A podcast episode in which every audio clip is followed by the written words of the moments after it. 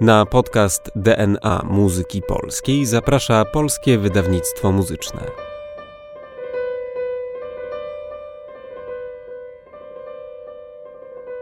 Mateusz Borkowski, witam serdecznie w podcaście z cyklu DNA Muzyki Polskiej. Kto po śmierci Chopina pierwszy o nim pisał? Kto kłócił się o jego znaczenie w historii muzyki? Kto chciał go zawłaszczyć, a kto wynosił na piedestał? Tematem kolejnego odcinka będą XIX-wieczni polscy biografowie Chopina. Zapraszam.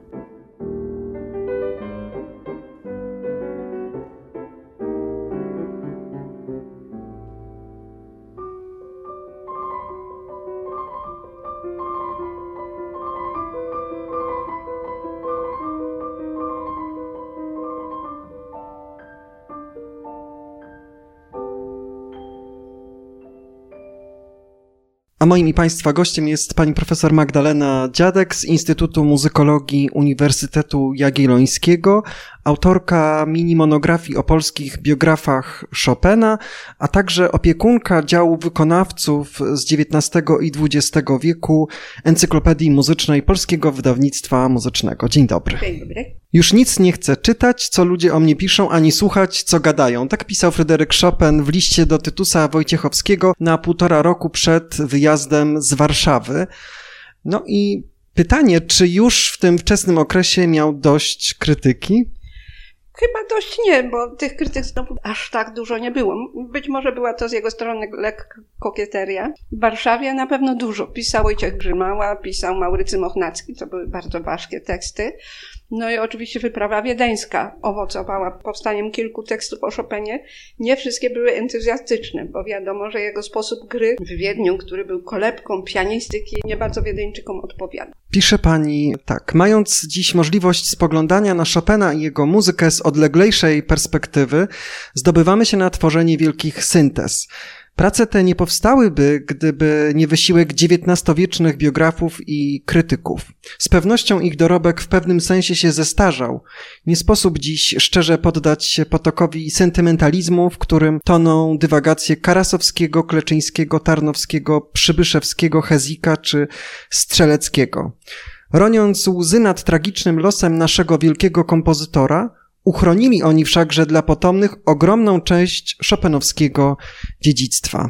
Jednym słowem, warto docenić ich e, twórczość, ich pionierskie bardzo często działania, po to, żeby dokonywać dziś tej syntezy i no, lepiej poznawać, jeszcze lepiej, o ile to się da, e, życie i twórczość Fryderyka Chopina. W tym fragmenciku kryje się oczywiście ocena, tak? Ja z, z takim lekkim, zdaje się, przymrużeniem oka potraktowałam te biografie. One są oczywiście przestarzałe. No nie sposób e, traktować je jako publikacje krytyczno-źródłowe. Nie sposób je traktować jako publikacje naukowe, ale z drugiej strony one są urocze poprzez właśnie tą presję tworzenia legendy o Chopinie jako kompozytorze światowym, oczywiście narodowym. Co nas zadziwia w tych starych monografiach, to jest skłonność wszystkich autorów po kolei do toczenia sporu o Chopina. Oni się o niego kłócili od lat dwudziestych XIX wieku przez kolejne dekady, aż do początku XX wieku. To było właściwie nieustanne ustalanie szczegółów życiorysu. Szczególnie jeśli idzie o takie momenty drażliwe w e, biografii Chopina. A tymi momentami drażliwymi była na przykład emigracja, stosunek do kraju, wcale taki nie wynikał jednoznaczny kiedyś to była sprawa towarzyszki życia Sound, to był stosunek do rodziny i matki.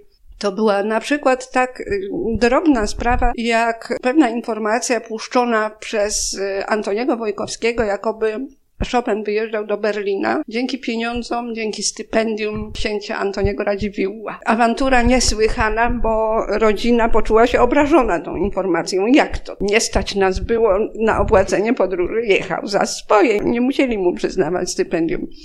I takie, takie właśnie szczególiki, no, w sumie dziś już w zasadzie większość tych rewelacji została albo wyjaśniona, albo odrzucona. I kiedy spotykamy się z tym na żywo drugi raz, to troszkę się podśmiechujemy, czym oni się zajmowali, tak? Skąd pochodzi nazwisko Chopina? A pewnie od polskiego słowa shop. No, zaglądamy do słownika Lindego, ale tam takiego słowa nie ma, bo pewnie tego amerykańskiego zwierzątka jeszcze nikt nie widział w Polsce na oczy wtedy. Czyli interesowały ich no, zgoła inne rzeczy niż nas dzisiaj w tej biografii kompozytora. Inne rzeczy. Taka, taka naprawdę praca nad źródłami zaczyna się dopiero w drugiej połowie XIX wieku. Wcześniej źródła to byli przede wszystkim świadkowie, na przykład poznańscy, wrocławscy, bo tam mamy właśnie pierwsze teksty o Chopinie. I to było piśmiennictwo zagraniczne. Głównie niemieckie, dlatego że ono było najbardziej dostępne w regionie, w którym powstały pierwsze syntetyczne teksty o Chopinie, czyli w Wielkopolsce. Pierwsza monografia to monografia autorstwa Lista i 1852 rok. Tak. Tak, no troszkę się dziś mówi, że może pomogłam mu w pisaniu tego któraś z pań, ale oczywiście do momentu powstania niemieckiego wydania monografii Karasowskiego była traktowana także w Polsce jako wiarygodne i dostatecznie obszerne źródło informacji o kompozytorze, a zwłaszcza o jego osobowości. No i na pierwszą monografię polskiego autora musieliśmy czekać aż do 1873 roku i to Marceli Antoni Schulz, który napisał pierwszą taką monografię związany z Kolbergiem, związany ze środowiskiem poznańskim. Czy on miał okazję poznać Chopina? Na pewno nie, natomiast to nie była pierwsza monografia. Pierwsza monografia polska, polskiego pióra, to jest Karasowski. Ale losy tej książki były bardzo trudne, ponieważ e, on w 1962 roku opublikował w Bibliotece Warszawskiej pierwszą część planowanej książki o młodości Chopina. To jest bardzo wartościowa rzecz. Po raz pierwszy tam duży korpus listów Chopina został opublikowany, ale w międzyczasie było powstanie styczniowe. On wziął w nim udział i musiał z kraju wyjechać. Druga część tej młodości wyszła dopiero pięć lat później ze zmianami dużymi, a w międzyczasie książka wyszła w Niemczech i tam cieszyła się dużym powodzeniem. Miała aż trzy wydania do Szulca. Sam zresztą y, przetłumaczył ją na niemiecki. Tak, tak. I w tych niemieckich wersjach było bardzo dużo podanych informacji, takich, które w Warszawie nie przeszłyby przez cenzurę. To jest bardzo wartościowa książka. I jeżeli ktokolwiek potem pisał w tych latach o Chopinie w Niemczech, to nie tylko właśnie monografię Lista brał do ręki, ale przede wszystkim brał do ręki Karasowskiego. A Schulz to jest jak gdyby konkurencja wobec niego, bo to też Wielkopolanin, podobne wykształcenie, podobne ambicje i podobna wiedza czerpana właśnie, właśnie od świadków poznańskich. Czyli pierwszy Karasowski, dopiero potem, dopiero potem, dopiero potem Schulz. Schulz, który w 73 roku e, wydał taką książkę Przygoda Chopina. No tych anegdotycznych opowieści było bardzo dużo, ale to należy widzieć w takim szerszym kontekście, mianowicie tego, co ludzie w całej Europie w XIX wieku lubili czytać. Jeżeli przejrzymy na przykład czasopisma muzyczne niemieckie, francuskie, to widzimy, że podstawowym środkiem porozumiewania się autorów z czytelnikami była anegdota. Tych anegdot powstało mnóstwo o Beethovenie, o Mozarcie, o Haydnie troszkę mniej. Potem krążyły anegdoty o takich muzykach, których może już nie pamiętamy, jak Clementi, jak Kramer. Każde właściwie wypowiedziane przez nich zdanie mogło się stać kanwą takiej historyki. Bardzo je lubiano. Oczywiście nie troszczono się o to, czy one są autentyczne i dobrze ale w jakiś sposób oddawały scenerię, oddawały atmosferę, rzeczywiście potężnie sentymentalną, bo, bo takie były czasy. Stąd wzięła się między innymi ta historia o Mozarcie i Salierim, która potem Oczywiście, wykorzystana była tak, przez rimskiego Korsakowa, wcześniej przez Puszkina. Tak, tak. Do, do tego dochodzą rewelacje przekazywane w różnych wspomnieniach, których przecież pisano też na tony Także o Chopinie, tak? Eleonora Ziemięcka opisała spotkanie w Marienbadzie, Jełowicki ksiądz pisał wspomnienia o Chopinie i, i mnóstwo, mnóstwo, Józef Brzowski, kompozytor. Wszyscy, którzy widzieli go w Paryżu osobiście, jeszcze za jego życia, właściwie gdzieś tam do jakiejś gazety polskiej o tym napisali. I właściwie to są jedyne źródła, jakie mamy o Chopinie w Polsce z tego okresu, bo w momencie, kiedy Chopin mm, wyjechał z kraju, gazety polskie przestały o nim pisać. Są tylko bardzo, niekiedy bardzo malutkie wzmianki w gazetach warszawskich czy lwowskich, co robi Chopin w Paryżu, że jest chory, że bladziutki, bo ktoś go widział, ale nie zdawano sprawy systematycznie z tego, co on tam de facto robi. Dopiero, dopiero właśnie 20 lat po śmierci Chopina ktoś zdobył się na dużą książkę o nim, dużą pracę, ten wspominany przez nas Karasowski. Natomiast są takie przekazy, że w ogóle to pierwsze dwudziestolecie po śmierci Chopina to był okres, kiedy go też niewiele grano w Polsce.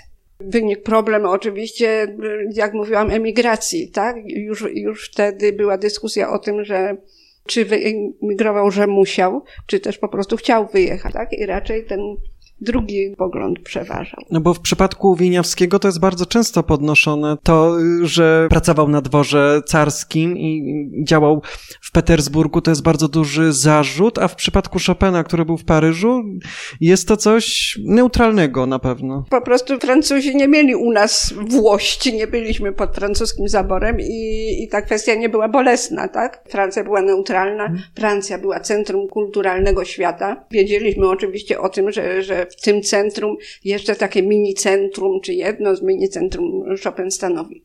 Natomiast z, z Wieniawskim to nie było tak prosto, bo źle pisać o Wieniawskim zaczęto dopiero w dwudziestoleciu międzywojennym, kiedy przypomniano sobie, że on był Żydem. I wtedy właśnie kiedy obchodzono setną rocznicę Wieniawskiego, to nagle z kapelusza wyciągnięto zapomnianego Kąckiego, bo był Polakiem. To są tak skomplikowane i rozległe mhm. sprawy, że nie można ich w dwóch zdaniach podsumować, tak? Natomiast ten Petersburg chyba nie był takim strachem na wróblem, przy, przynajmniej nie dla, nie dla wszystkich, bo od lat 80. bardzo silnie postępował proces asymilacji. Mnóstwo Polaków wyjeżdżało do pracy na studia na początku XX wieku 20% studentów Uniwersytetu Petersburskiego to byli Polacy. Dorpat do tego inne szkoły. Wracając do Chopina, pojawia się takie nazwisko jak Stanisław Tarnowski, który stanowi takie galicyjskie spojrzenie na twórczość Chopina. O ile ono jest galicyjskie? Jest galicyjskie, bo jest upolitycznione. W Warszawie nie pisano wiele o Chopinie w kontekście politycznym, narodowym nawet a jeżeli robiono to, to z, z użyciem mowy esopowej, tak? Tam te kwestie związane z reakcją na powstanie listopadowe były poruszane bardzo ostrożnie. Natomiast y, w momencie, kiedy Galicja uzyskała autonomię, czyli w roku 1867 nastała tam większa wolność, jak wiadomo, tak? Ukonstytuował się polski teatr, cenzura zależała i zaczęły się tworzyć takie środowiska, które jawnie kształtowały kult polskości. To w latach 70. właśnie narodził się w Krakowie kult Krakowa jako miasta królów polskich. Tworzono mit polskiej Częstochowy. I na kanwie tych nastrojów zaczęto spożytkowywać właśnie także przykład Chopina jako kompozytora, który nie tylko pisał muzykę narodową, bo to już wszyscy wiedzieli, ale ten mit Chopina jako kompozytora narodowego został sfunkcjonalizowany w celach właśnie politycznych. I to zrobił Tarnowski. On był przywódcą partii konserwatywnej w Krakowie, tak? Był rektorem UJ-u, polonistą, wydawcą takiego czasopisma Przegląd Polski, przywódcą konserwatywnego stronnictwa Stańczyków, bardzo znanego w całej Europie. I on w tym szkicu, a ten szkic był napisany w 1871 roku, rzucił takie nowe hasło, że muzyka Chopina przyczynia się do sławy naszej, czyli do sławy naszego narodu, tak? Muzyka ta dostała funkcję polityczną. A wspomniany szkic jest zapisem wykładu, który Tarnowski wygłosił na Uniwersytecie Jagiellońskim, a przygrywała mu, ilustrowała muzyką ten wykład sama księżna Marcelina Czartoryska, uczennica Chopina. Pojawia się też Stanisław e, Przybyszewski. Ciekawe bardzo porównanie z Niczem. Tutaj zestawia te, tych dwóch artystów. No, ale to są już inne czasy. To jest um, słynny wykład o Chopinie, wygłoszony przez Przybyszewskiego w 50. rocznicę śmierci w Zakopanem. Potem wydrukowany w czasopiśmie Życie, które sam Przybyszewski redagował. To jest ruch Młodej Polski, tak? To jest wybuch Młodej Polski. I to są czasy, kiedy my fascynujemy się takimi naczelnymi figurami myśli europejskiej modernizmu. To, to są czasy, kiedy do Polski wkracza Wagner i oczywiście Nietzsche. To są czasy, kiedy czołowe dzieła Niczego są tłumaczone na język polski i ten Nietzsche po prostu nikomu nie schodzi z ust. Tak jak później nie będzie schodził na przykład Spengler. I stąd te, stąd te Y, stylizowanie się na filozofię niczego w eseju Przybyszewskiego. Ten esej ma oczywiście różne, różne wątki W ogóle założenie jest bardzo ciekawe, bo usiłując przedstawić Chopina muzykę jako fenomen zrośnięty z narodowym podłożem, zrobił bardzo dalekie wycieczki intelektualne, aż do Herberta Spencera, do Jeana Jacques'a Rousseau, sięgnął po taką metaforę metamowy, czyli jak, jakiegoś pierwotnego związku dźwięku i mowy, który to związek chciał widzieć w muzyce Chopina, ale także poezji wieszczów, tak? bo z tymi wieszczami Mickiewiczem, Krasińskim, Słowackim notorycznie Chopina porównywano i to też zaczął Stanisław Tarnowski w tym eseju, o którym mówiliśmy, właśnie pada po raz pierwszy porównanie z, z trzema wieszczami. Czyli to możemy potraktować bardziej jako taką ciekawostkę. Tak, tak. To oczywiście nie jest próba wyłożenia filozofii życia niczego w oparciu o muzykę Chopina, bo jednak no, trudno byłoby szukać tu bezpośrednich związków. To po prostu element stylistyki literackiej. Chopin i Nietzsche jako artyści upojenia, którzy w najdoskonalszy sposób reprezentowali krańcowo-indywidualistyczną sztukę dionizyjską, no i Chopin, który poprzez psychiczny mimetyzm zjednoczył się według Przybyszewskiego z duszą narodu, a jego twórczość jest jej objawieniem.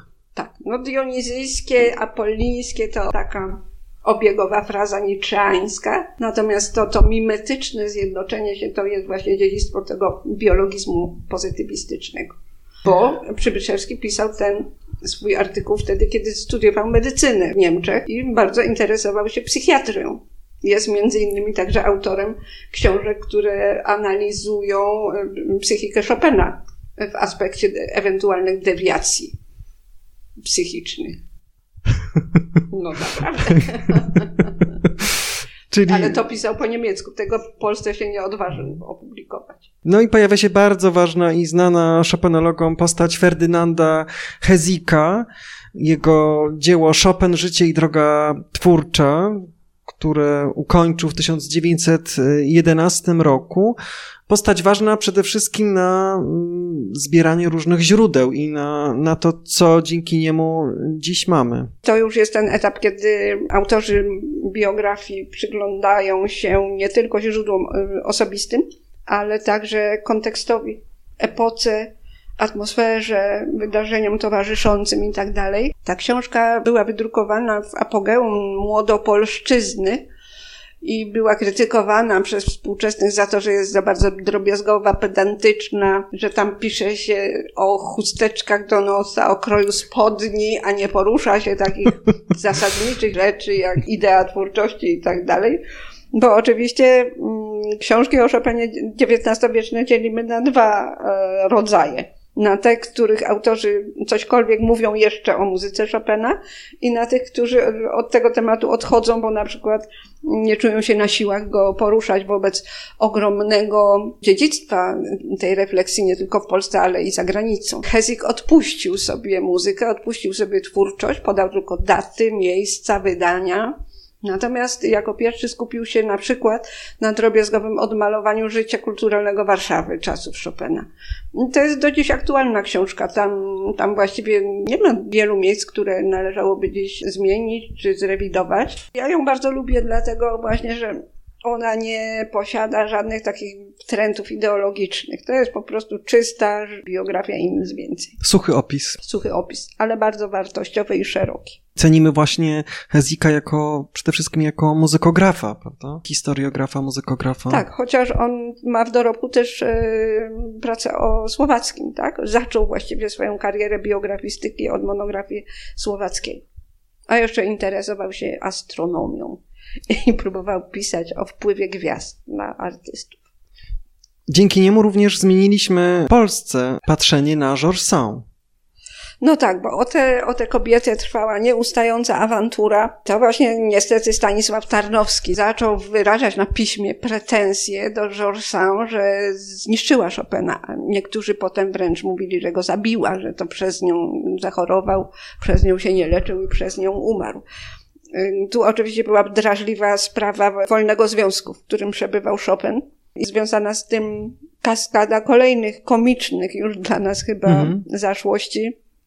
jak e, słynne wystąpienie księdza Aleksandra Jełowickiego, kultowego spowiednika Mickiewicza, słowackiego, paryskiego księdza. On w trzy dni po śmierci Chopina w pewnym paryskim piśmie opublikował tekst o ostatniej spowiedzi Chopina, bo była wielka kontrowersja jak umarł Chopin, czy przyjął tak zwany wijatyk, czyli sakramenty ostatnie, czy nie. Bali się rodacy, że że Chopin pójdzie do piekła, bo przecież przez lata cudzołożył, tak? Według definicji e, religii katolickiej. Stąd też ksiądz Jełowicki pośpieszył z zapewnieniem, że, że Chopin umarł w pełni łaski i jest wszystko ok.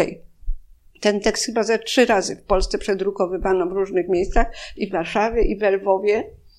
Tylko Aleksander Świętochowski, przywódca pozytywistów e, warszawskich, obruszył się na fakt, że jednak ktoś śmie wchodzić w rzeczy bardzo intymne. Czemuż się nie zajmujecie muzyką Chopina, tylko tym, jak umarł, tak?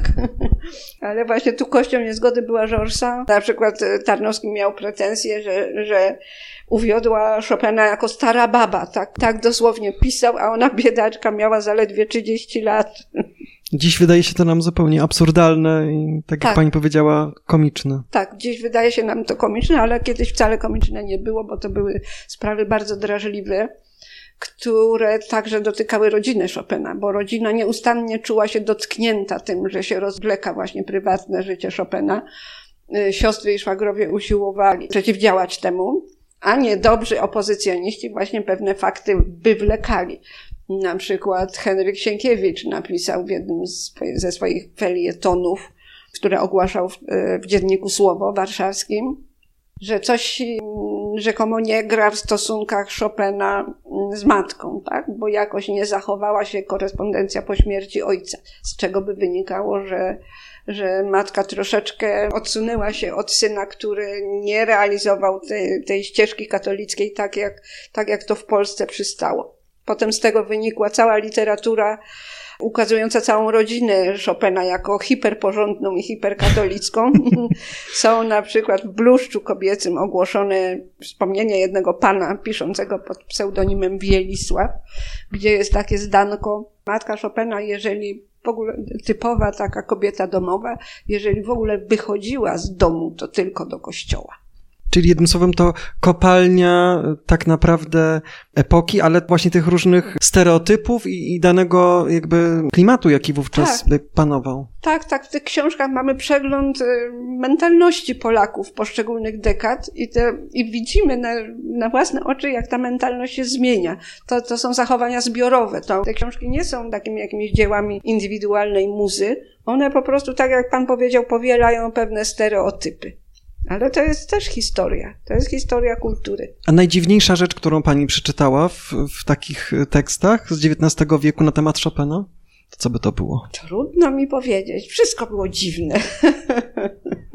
Jeśli chodzi o listy, to już powiedzieliśmy, że tutaj zasługi ma Maurycy Karasowski, który e, listy otrzymał między innymi od siostry Chopina Izabeli i te źródła są dobrze dzięki temu, co Karasowski wydał. Bazujemy dziś na, na tych listach. Tak, no, z tym, że publikacje Karasowskiego były jeszcze rewidowane, poprawiane. Potem była cała narada nad tym, jak te listy wydawać, ponieważ Karasowski je mocno poprawiał.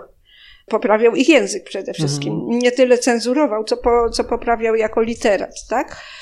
Potem już na etapie Hezika mamy oczywiście to nowocześniejsze podejście do dokumentów osobistych, gdzie się je e, cytuje w, w autentyku z błędami, z regionalizmami i tak dalej.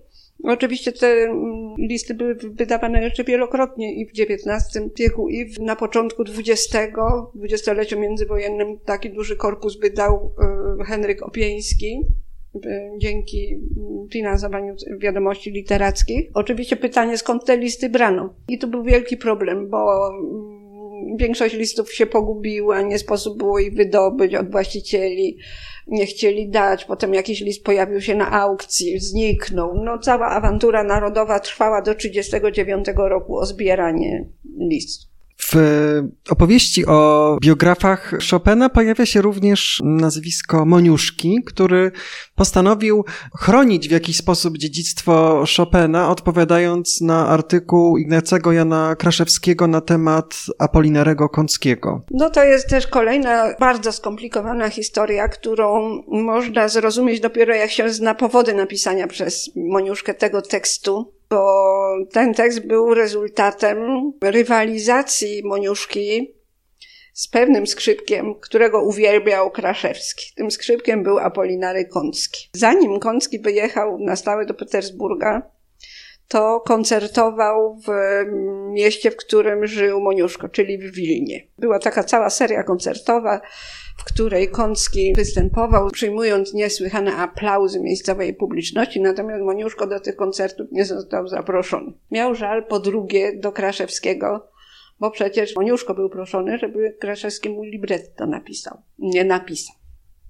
Po trzecie, w swoim dworze w Żytomierzu Kraszewski gościł wielokrotnie Kąckiego i zachwycał się nim nie tylko jako wykonawcą, ale i autorem kompozycji, w tym Mazurów. I o te Mazury właśnie poszło. Teza Kraszewskiego brzmiała, to było porównanie. Mazurki Chopina to są takie delikatne kwiatki, a Mazurki Kąckiego to są Mazury chłopskie. Zresztą e, Kraszewski miał stuprocentową rację, bo Kącki w swoich Mazurach naśladował manierę chłopską. One są bardzo takie ludowe, takie siermiężne. Kraszewski uwielbiał Kąckiego także jako autora koncertów dobroczynnych. Oni po prostu razem robili na kresach taką akcję dobroczynną. Natomiast w tych latach Moniuszko był troszkę na rozdrożu, bo tak, nie udało się dostać pracy w Petersburgu, nie udało się jak na razie zapuścić korzeni w Warszawie. W Wilnie nie sposób było wytrzymać, bo się zaczynała rusyfikacja i miasto gremialnie opuszczała elita intelektualna ci ludzie, którzy, którzy chcieli po Mickiewiczu kontynuować tak zwaną litewską szkołę poezji polskiej, jakoś się rozproszyli. Ten zachorował, ten umarł, ten wyjechał. Powolutku nie, nie było już co robić. Wtedy już Moniuszko był zaprzyjaźniony poznanym w Warszawie Józefem Sikorskim. Znał jego szkic pośmiertny o Chopinie, który był publikowany w 1949 roku w jesiennych numerach Biblioteki Warszawskiej, który do dziś uchodzi za jedno z najlepszych syntetycznych studiów o Chopinie. I Moniuszko powypisywał sobie to, co Sikorski o mazurkach Chopina napisał i podał to jako swoje myśli, polemizując y, z Kraszewskim. Polemika, proszę mi wierzyć, była o niczym, bo obaj posługiwali się tymi samymi argumentami, że między Chopinem i Kąckim jest przepaść. Tak brzmi teza obu przeciwników. To jest dosyć, dosyć zabawne. Natomiast z Moniuszką jest jeszcze jedna bolesna rzecz. Mianowicie po śmierci Chopina pewna pani, amatorka, napisała w prasie wileńskiej taki artykuł, w którym porównała Moniuszkę do Chopina. Oczywiście to porównanie wyszło na niekorzyść Moniuszki. Moniuszko miał o to wielki żal, odpisał i również w listach poruszał tę sprawę, że to było w ogóle niepotrzebne, bo jemu w, życiu by do głowy nie wyszło równać mhm. się z Chopinem. Ja tu jestem taki domowy śpiewak, a gdzież mi tam do paryskiego Chopina?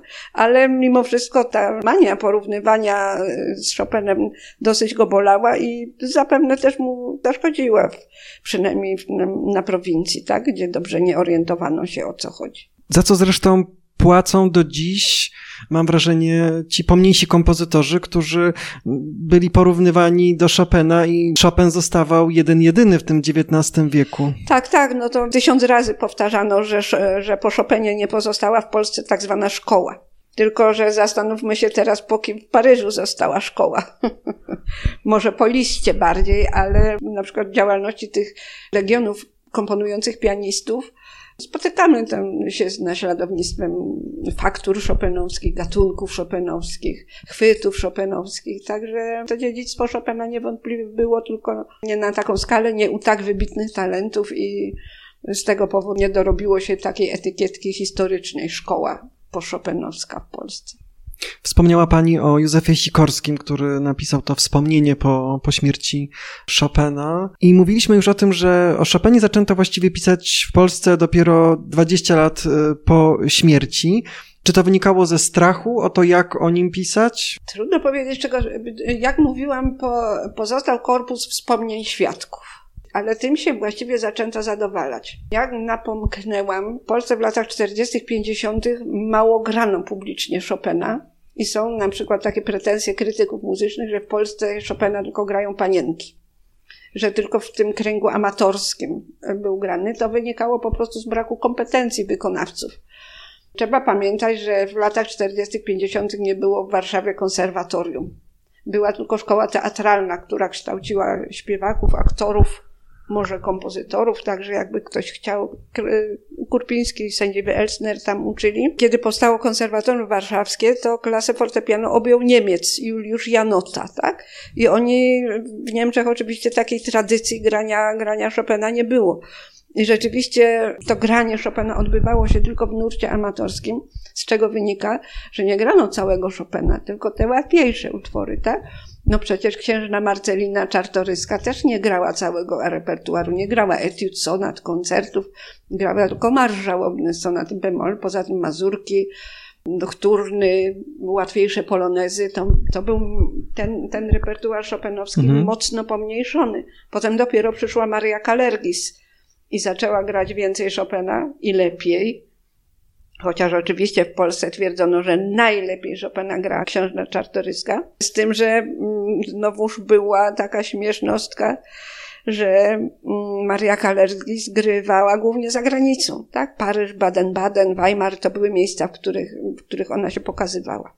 Także wykonywanie Chopina też przejęliśmy potem wtórnie z zagranicy. Natomiast jeżeli chodzi o pisanie o Chopinie, to wynika to z praktyki dziennikarskiej, bo gazety y, piszą zawsze tylko o tym, co się dzieje na miejscu, tak? Y, działy korespondencji zagranicznych w czołowych czasopismach kulturalnych, takich jak Bluszcz czy Tygodnik Ilustrowany, nie były na tyle obszerne, żeby pisać tam o muzyce, tak? Wychodzono z, z, takiego założenia, że jak ktoś chce się dowiedzieć, to może sobie pójść do czytelni i poczytać e, na przykład Revue Gazette Musicale de Paris, tak? Albo jakieś tam niemieckie czasopismo, które oczywiście docierały i były czytane, chociaż też dostęp do nich był kiepski, bo wiemy, że na przykład Moniuszko Biedak w tym Wilnie posiadał tylko dwa czy trzy roczniki Musikalische Allgemeine Zeitung, które przygryzł sobie z Berlina i potem już nic. Ale u wydawców muzycznych w czytelniach można było przeczytać. Kto zatem odpowiada za powstanie tego mitu Chopinowskiego i to, że Chopin był kompozytorem genialnym i postawienie mu pomnika i w taki też sposób pisania o jego twórczości w Polsce? Ten y, pomnik wystawiono Chopinowi za granicą najpierw. To jest paradoks, ale mm, za życia Chopina, czy na przykład jak czytamy nekrologii Chopina, które zabrała Marcelina Czartoryska, przywiozła do Polski i one były zaczątkiem kolekcji Chopinowskiej w Muzeum Czartoryskich, to y, orientujemy się, że y, w, w Paryżu miał Chopin grono wyznawców wśród elity, ale także miał zaprzyjaźnionych muzyków w Niemczech, takich jak Mendelssohn choćby, którzy to nie dość, że opisali, utrwalili to, co o Chopinie wiedzieli, to jeszcze zamieścili między wierszami albo jawnie w swoich tekstach tą informację, że Chopin jest genialny. To już wiedziano za jego życia. Ten sposób spoglądania na Chopina zupełnie naturalny, tak, bo to mu się należało. Był już kształtowany w czasie jego pobytu w Paryżu. Oczywiście tu krąg franciszkalista. Też y, ci wirtuozi, którzy tam bywali, ci kompozytorzy, którzy tam bywali, to oddawali mu sprawiedliwość. Jest bardzo mało negatywnych wypowiedzi francuskich o Chopinie, a jeżeli są, to dotyczą na przykład drobiazgów takich, że Hector Berlioz jako mistrz instrumentacji stwierdził, że Chopin nie zna orkiestry i nie umie instrumentować, tak? Pisze tak koncerty, że tam, gdzie ma być słychać orkiestrę, to jej nie słychać, a tam, gdzie nie ma być słychać, to słychać. Ale równocześnie Berlioz y, pozostawił taki piękny właśnie portret osobowości Chopina, Chopina jako człowieka. Podkreślano tą jego chorowitość, to, że całe życie właściwie umierał. I ten portret wzięliśmy, wzięliśmy do Polski, tylko go lekko doposażając o pewien bardzo charakterystyczny rys dla piśmiennictwa polskiego, To znaczy w Paryżu pisano, że cierpiał, bo był chory, a w Polsce pisano, że cierpiał, bo tęsknił za ojczyzną. Przy czym ten wątek tęsknoty też był maglowany i, i wielokrotnie znajdowali się ludzie, którzy to chcieli jakoś rewidować. Poza listem zajęli się również inni zagraniczni e, autorzy i taką głośną monografią była monografia Frederika Nixa, która nie spotkała się od razu z e, dobrym przyjęciem w Polsce. Ona się chyba spotkała z dobrym przyjęciem. Wszyscy się cieszyli, że Nix ją napisał. To już są późne lata osiemdziesiąte, tak? Ale jakoś do, dopiero w XXI wieku dorobiliśmy się przekładu tej książki na polski. Co nie jest dziwne, bo przecież kiedyś znajomość języków obcych była na tyle powszechna, że nie upierano się, mhm. że coś musi być przetłumaczone na polski. Chociaż monografia listowska Chopina była tłumaczona w XIX wieku na język polski przez takiego mm, wybitnego, chociaż zapomnianego poetę Felicjana Faleńskiego. Ale Nix nie był tłumaczony, niemieckie wersje Karasowskiego też nie. A jeżeli chodzi o y, odbiór y, monografii Nixa w Polsce, on przypadł na rocznicę 50. zgonu, tak? Książka ukazała się rok wcześniej przed tą rocznicą. W związku z tym różni ludzie, którzy chcieli coś napisać o Chopinie z, okazji tej rocznicy, to równocześnie mm, wygłaszali swoje opinie na temat książki Nixa. I tutaj oczywiście przychodzą nam do głowy przede wszystkim dwa teksty napisane przez czołowych polskich kompozytorów Zygmunta Noskowskiego i Władysława Żeleńskiego. Przy czym tylko tekst Żeleńskiego ma w tytule Chopin w oczach krytyki angielskiej i konkretnie traktuje o książce Nixa, ale Żeleński wcale nie ocenia tej książki, bo ona była dla niego tylko pretekstem do wygłoszenia własnych zdań na temat i muzyki Chopina, i muzyki w ogóle. A Żeleński był zatwardziałym konserwatystą, szczycił się tym, że został wykształcony przez Niemców w Pradze, Niemcy, jak wiadomo, znają się na rzemiośle muzycznej, na technice kompozytorskiej i wziął wobec tego pod lupę sonaty Chopina i zaczął wypisywać na długich, długich stronicach, że, że one są źle napisane, bo forma sonatowa jest nie taka, jak uczyli w Niemczech, czyli te tematy są nie takie, nie w tym miejscu, nie takie modulacje. Wszystko jest wbrew regułom. Natomiast y, tekst Noskowskiego ma charakter bardzo okolicznościowy. On jest taki bardzo patriotyczny i właściwie cały jest skoncentrowany na sprawie rzekomego oparcia całej y, muzy Chopina na tym tonie ludowym. Myśli pani, że jesteśmy dziś gotowi na takie krytyczne spojrzenie na Fryderyka Chopina? Na Fryderyka Chopina? Być może, ale wydaje mi się, że wszyscy myślimy o Chopinie raczej tak, jak nas nauczył profesor Mieczysław Tomaszewski.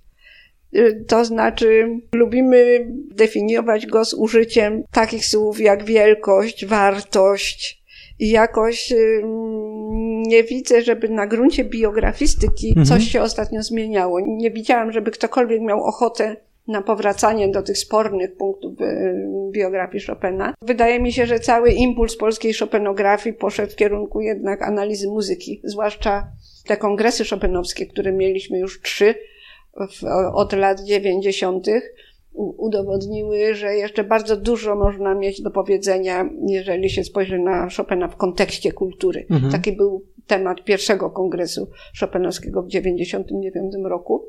No również y, obserwujemy wpływ różnych mód intelektualnych na myślenie o muzyce Chopina, tak? Na przykład ostatnio dosyć dużo podejmuje się wysiłku, żeby spoglądać na jego muzykę w kontekście y, jego osobowości, nawet jeżeli byśmy zdefiniowali tę osobowość jako neurotyczną, tak? Mieliśmy taki na przykład pomysł, żeby młodzi ludzie, studenci muzykologii pochylili się nad e, pierwiastkiem choroby w muzyce Chopina. Mhm. I takich modnych wątków jest więcej.